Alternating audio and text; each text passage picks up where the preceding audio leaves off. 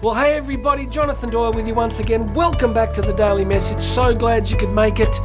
Please make sure you've subscribed, hit that subscribe button, go and grab yourself a free copy of my book, Bridging the Gap. There is a link here. Hit that link, and I'm going to send you chapters of my book, Bridging the Gap. Why is it called Bridging the Gap? I'm glad you asked because I truly believe a lot of my work in the early years was a fascination with the difference between where we are in life and where we could be why there's a gap, and how we close the gap. So go grab yourself a free copy. Today we are going to jump into a really interesting quote about dreams. I talked about dreams last week. I think there was a quote from um, Philip II of Macedon, the father of Alexander the Great, about ambition and dreams. And I'm reading a book at the moment called The Dream Giver, which has been quite interesting. So let's do it. Let's jump into today's quote Dreams are like letters from God. Isn't it time you answered your mail? Dreams are like letters from God. Isn't it time you answered your mail? Where do you think dreams come from? Why are they so diverse and different? We could get all sociological and psychological and say, well, everybody has different experiences and they're socialized in different historical moments, so therefore they gravitate towards certain desired future outcomes. I'm going, yeah, but that's not very romantic, is it? It doesn't really spark the soul. Why do we want what we want? Why is it that since you were very young, there are certain ideas and possibilities that have been exciting and you've been passionate about, and others that you just couldn't care less about?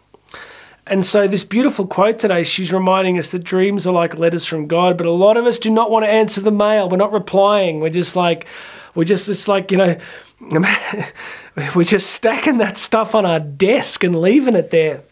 Isn't it time you answered your mail? What are your dreams?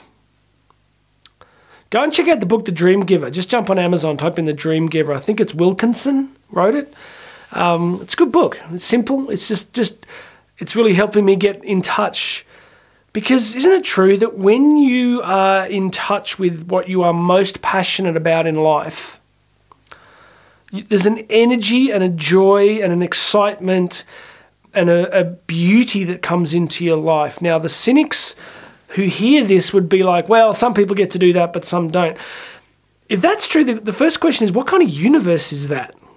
That must be a highly deterministic universe, right?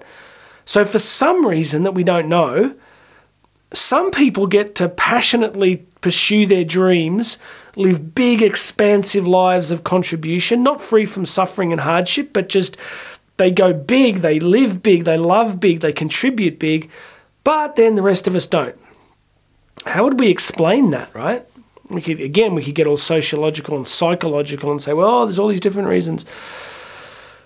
But isn't it true that when you are chasing something you deeply care about, there's an energy and a life that surges into your reality?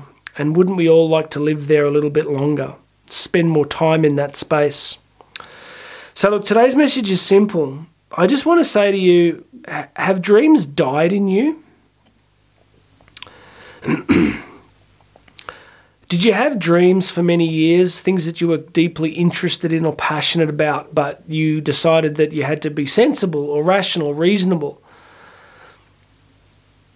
Is there anything in you still that might want to be pursuing something different? So I've been doing this work the last 48 hours after reading that book. I was really quite interested. I was like, well, and I kind of got an answer, and you know, it's this, it's doing this it's getting back on stage after COVID. It's like just meeting people and just having a chance to speak into their lives. I get amped. What's my dream? To liberate people's potential. What's my dream? To liberate people's potential.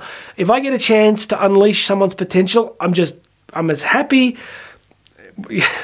very happy. I was going to say something rude there, uh, an old saying from Texas. I'm going to say it.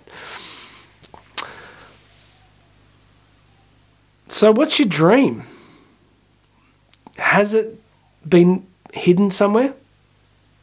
Did you let go of it at some point for whatever reasonable, whatever reason that seemed reasonable at the time? Could you start to just tamper with it a little bit? Could you start to maybe just read a couple of books about it, or maybe watch something on Netflix about it? Could you just begin to possibly? You don't have to tell the world, but why don't you start opening your mail?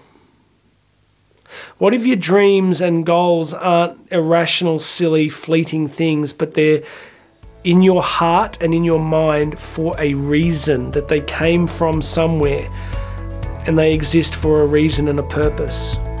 It's a different way of looking at it, isn't it? Life is short, so don't waste too many more days, weeks, months, or years being sensible. Do what you're here to do. Right now, that means subscribing to this channel. Going to grab yourself a free copy of my book, Bridging the Gap. Hit that link in the description. Share this with some people. Leave something in the comments. After you've done all of that, go chase your dreams. My name is Jonathan Doyle. This has been the Daily Message. You and I are going to talk again tomorrow.